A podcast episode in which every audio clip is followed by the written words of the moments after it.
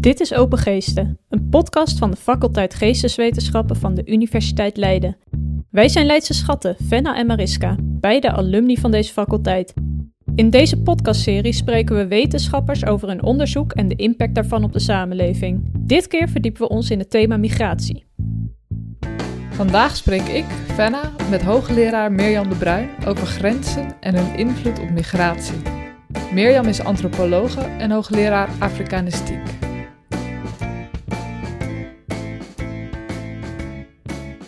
Hoi Mirjam, leuk eh, dat je er bent. Wil je allereerst even voorstellen? Ik ben uh, antropoloog en ik werk uh, ook veel met historici samen.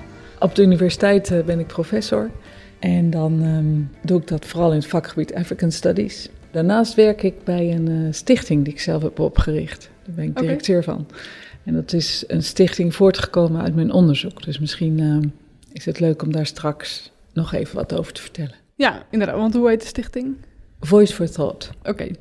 Uh, ja, we hadden elkaar al even gebeld en toen stelde je eigenlijk zelf voor om het over de perceptie van grenzen te hebben. Is dat een actueel thema misschien? Ik denk uh, heel actueel. Als ik kijk wat er nu gebeurt in Afrika, het deel wat ik goed ken is de Sahel, dan zie je gewoon dat grenzen niet meer zijn wat ze waren.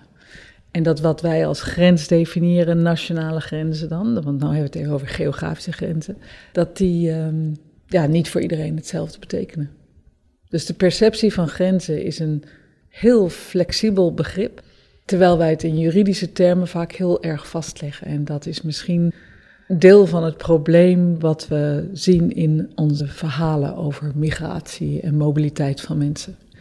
Ja, want je had het al over twee specifieke grenzen, namelijk de virtuele grenzen die overschreden worden steeds makkelijker en tegelijkertijd fysieke grenzen. Ja. Kun je allereerst iets vertellen over die virtuele grenzen? Nou ja, ik heb mijn uh, onderzoek de laatste jaren heel erg gericht op gewoon de nieuwe media, dus de digitale media. En wat dat voor een soort nieuwe wereldbeelden bij mensen ook brengt. En binnen zo'n virtuele wereld, die eigenlijk niet virtueel is, want het is heel echt voor heel veel mensen krijg je nieuwe entiteiten, eigenlijk nieuwe grenzen, nieuwe samenlevingen vormen, nieuwe, ja, ik heb het genoemd vormen van belonging, dus van horen bij. En kun je het concreet maken? Want hoe ziet die virtuele wereld er dan voor mensen uit? Nou, heel concreet is uh, de gemeenschap van Cameroenezen. Die uit één dorp komen, maar ook in Zuid-Afrika, in de VS en in Nederland wonen. En die met elkaar communiceren alsof ze bij elkaar om de tafel zitten. En dus ook dingen delen, zoals begrafenissen, trouwerijen, geboortes. En dat delen ze met foto's, met visuele beelden, maar ook met audio. Wat het met je doet, is misschien dat je je steviger voelt in een bepaalde identiteit, die je van huis uit hebt meegekregen. Dat zou kunnen. Maar je kan je natuurlijk ook heel verdeeld voelen. Dat gebeurt ook. We hebben bijvoorbeeld onderzoek gedaan in Nederland naar Cameroenese migranten. En die zijn niet per se gelukkig. Want ze leven daar en zijn niet hier. Dus dat is, een, uh, dat is een probleem dat ook wel geconstateerd is bij andere migranten. Maar ik denk wel dat je die hang naar het behoren bij, omdat je elders je toch niet zo veilig voelt. Of niet helemaal thuis. Dus je zoekt dan iets anders. En ik denk dat dat ook een belangrijke factor is waarom die, ja, laten we dan toch maar even de virtuele wereld zo ontstaat. En is dat een nieuw onderzoeksveld eigenlijk? Ik bedoel, het is een nieuwe ontwikkeling waarschijnlijk, dus... Nou ja, dat, ik ben echt niet de enige. Die, die, wat ik net presenteerde over die Cameronezen en die etnische grenzen... en de grenzen die over geografische grenzen heen gaan via die virtuele wereld... dat is relatief oud onderzoek, dat ronde ik af in 2013... Daarna ben ik me gaan richten op hoe mensen die in uh, conflictgebieden uh, zware omstandigheden, hoe die social media of telefoons, gewoon telefoons gebruiken, voor, ook voor het creëren van die belonging, ondanks alle ellende. Ja, en, en, dat ontwikkelt zich steeds sneller. De social media nu die zijn wel een wapen in oorlog genoemd. Nou ja, dat zie je natuurlijk ook bij de Oekraïne nu, de manier waarop Rusland ermee omgaat. Social media zijn een factor in ons leven. En dat gaat voorbij aan um, oudere begrippen die we hadden. Dus het hierover nadenken betekent wel dat je moet nadenken over, hey, bijvoorbeeld, we hebben het over grenzen, het woord grens, wat betekent dat in deze context? En wat is dat nog steeds het woord grens, het concept grens, dat we gebruikten 50 jaar geleden? En ja. is als ik nu schrijf over grenzen en mijn opa zou dat lezen, zou hij dan eigenlijk wel begrijpen waar ik het over heb? Dus ik denk dat concepten zijn steeds in ontwikkeling. Soms gebruiken we dezelfde concepten, maar gaan we er iets heel anders mee bedoelen. En dat is onderdeel natuurlijk van zo'n studie, dat je daarover nadenkt. Ja.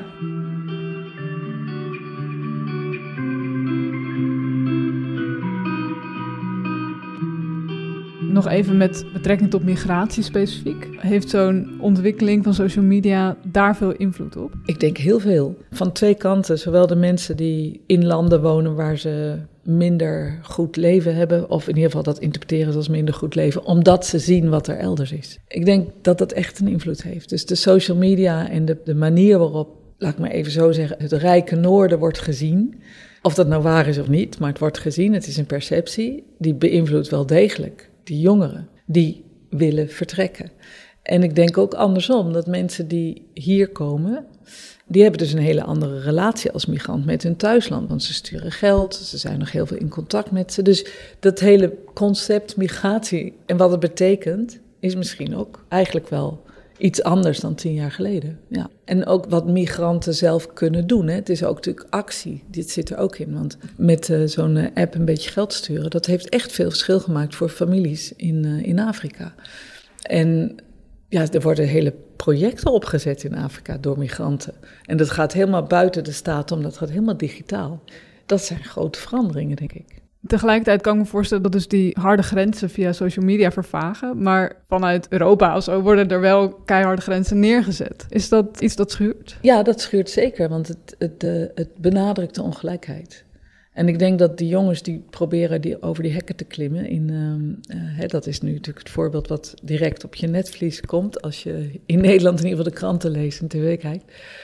Ja, die, uh, die, die, die zien dat als een beperking van hun vrijheid en worden daar keihard mee geconfronteerd. Ook omdat ze weten dat de verschillen zo groot zijn.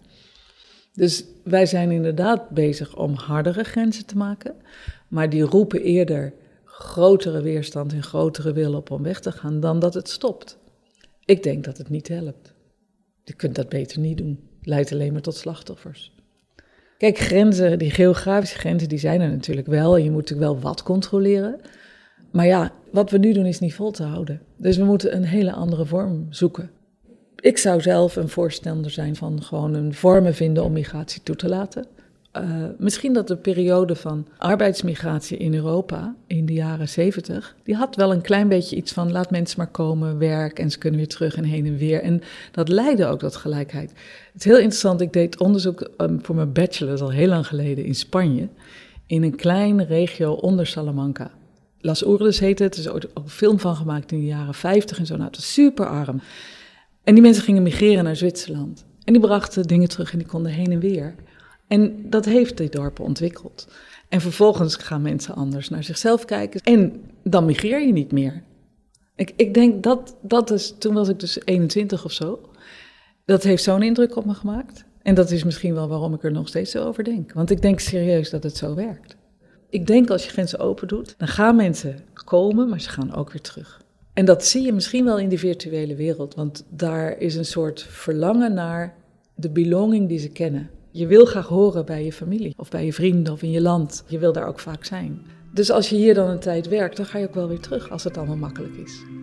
En dan krijg je vanzelf een andere evenwicht in de wereld.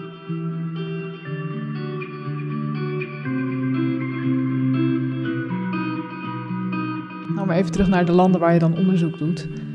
Denken mensen daar na over hoe zij het het liefst voor zich zouden zien? Je bedoelt ten aanzien van grenzen en horen ja. bij de wereld? Ja, het is een nou, een brede vraag. Het is een brede vraag, maar het is wel als je... Ik denk dat er heel veel behoefte is aan meer gelijkheid. En die hele Noord-Zuid verdeling en dat ook het afschilderen van bijvoorbeeld een land als Mali altijd maar weer onderin de alle rankings vallen, dat doet iets met je identiteit. En die identiteit, daar kun je dan niet trots op zijn. Dus, maar mensen zoeken een identiteit om trots op te zijn. En die wil ook graag dat je die trotsheid kan dragen in de wereld.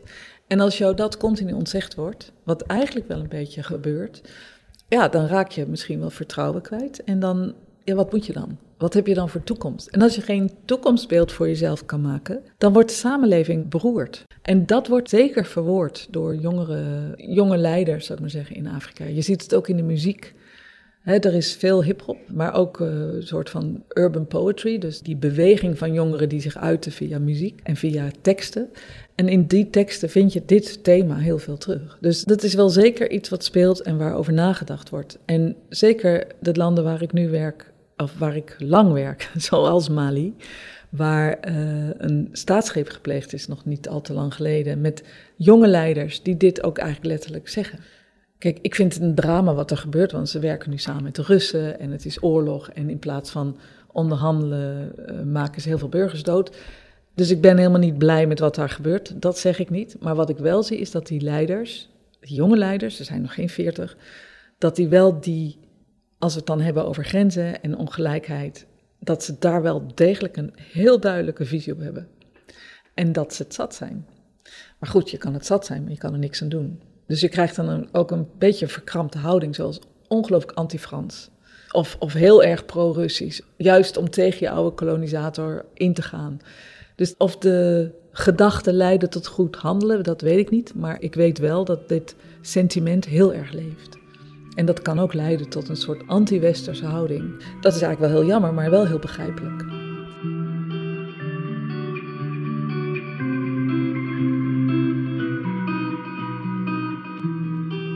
En nu, ja, wat gaan we dan doen? Ja, waar gaan we naartoe? Nou ja, onderwijs. Blijven constateren wat er gebeurt. We moeten kritische reflectie hebben met z'n allen. En dat hoeft niet mijn mening te zijn, dat kan ook iets anders zijn. Maar in ieder geval openstaan en, en elkaar gaan begrijpen. Dat begint toch wel voor een deel, en dan ben ik wel een rare intellectueel natuurlijk, maar het begint voor een deel op de universiteit. Daar moet je toch de mensen hebben die dit durven te gaan zeggen. En um, ja, Leiden is daar nou ook weer niet zo'n super voorbeeld van. Nee? ik denk niet dat we bekend staan als een kritische universiteit. Ik probeer het te veranderen in mijn kleine eigen omgeving door ook nu heel centraal in het onderwijs decolonisatie als, als thema neer te zetten, te durven praten over blank-zwart. Wie ben jij, de tegenstelling in de wereld? Studenten waarderen dat enorm, maar het leidt tot super verhitte debatten. En ook huilen, verdriet bij mensen. Dat laat zien hoe diep het zit. want het gaat uiteindelijk natuurlijk alles waar we nu over praten heeft ook iets te maken met discriminatie.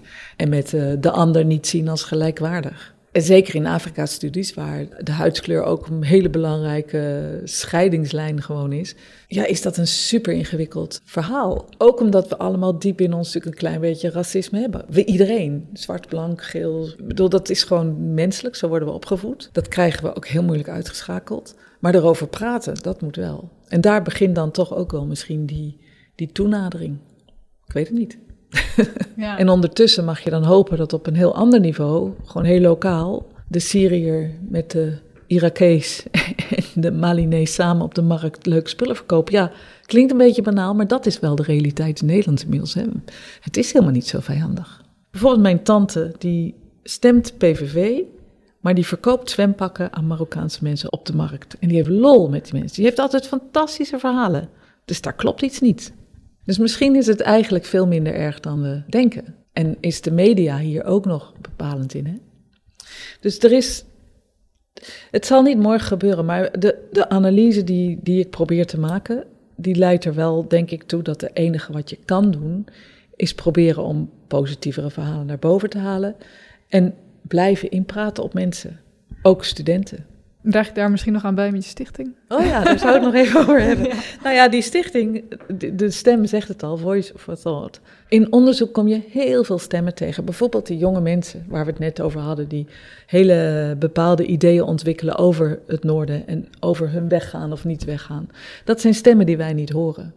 Dus het idee van die stichting is om die stemmen te laten horen. En misschien nu ik dat voorbeeld van mijn tante gaf, dat soort verhalen proberen we nu ook op te zoeken in Nederland. We zijn nu projecten voor Rotterdam aan het schrijven en Den Haag om de verhalen van de mensen die we nooit horen naar boven te halen. En dat zijn soms ook verhalen die je niet wil horen.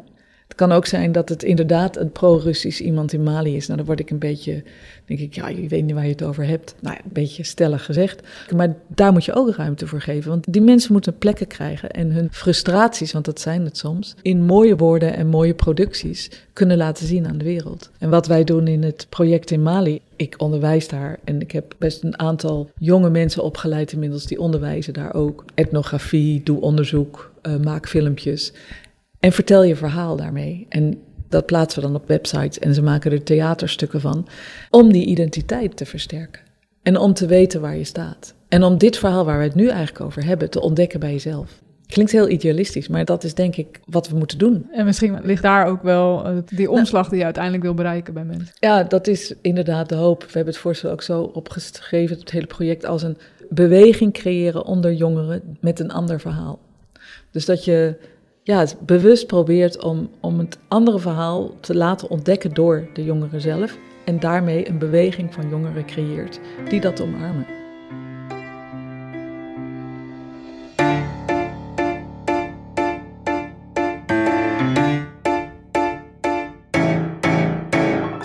Dit was Open Geesten, een podcast van de Leidse faculteit Geesteswetenschappen. Benieuwd naar meer verhalen van onze onderzoekers? Zoek dan eens op We Are Humanities.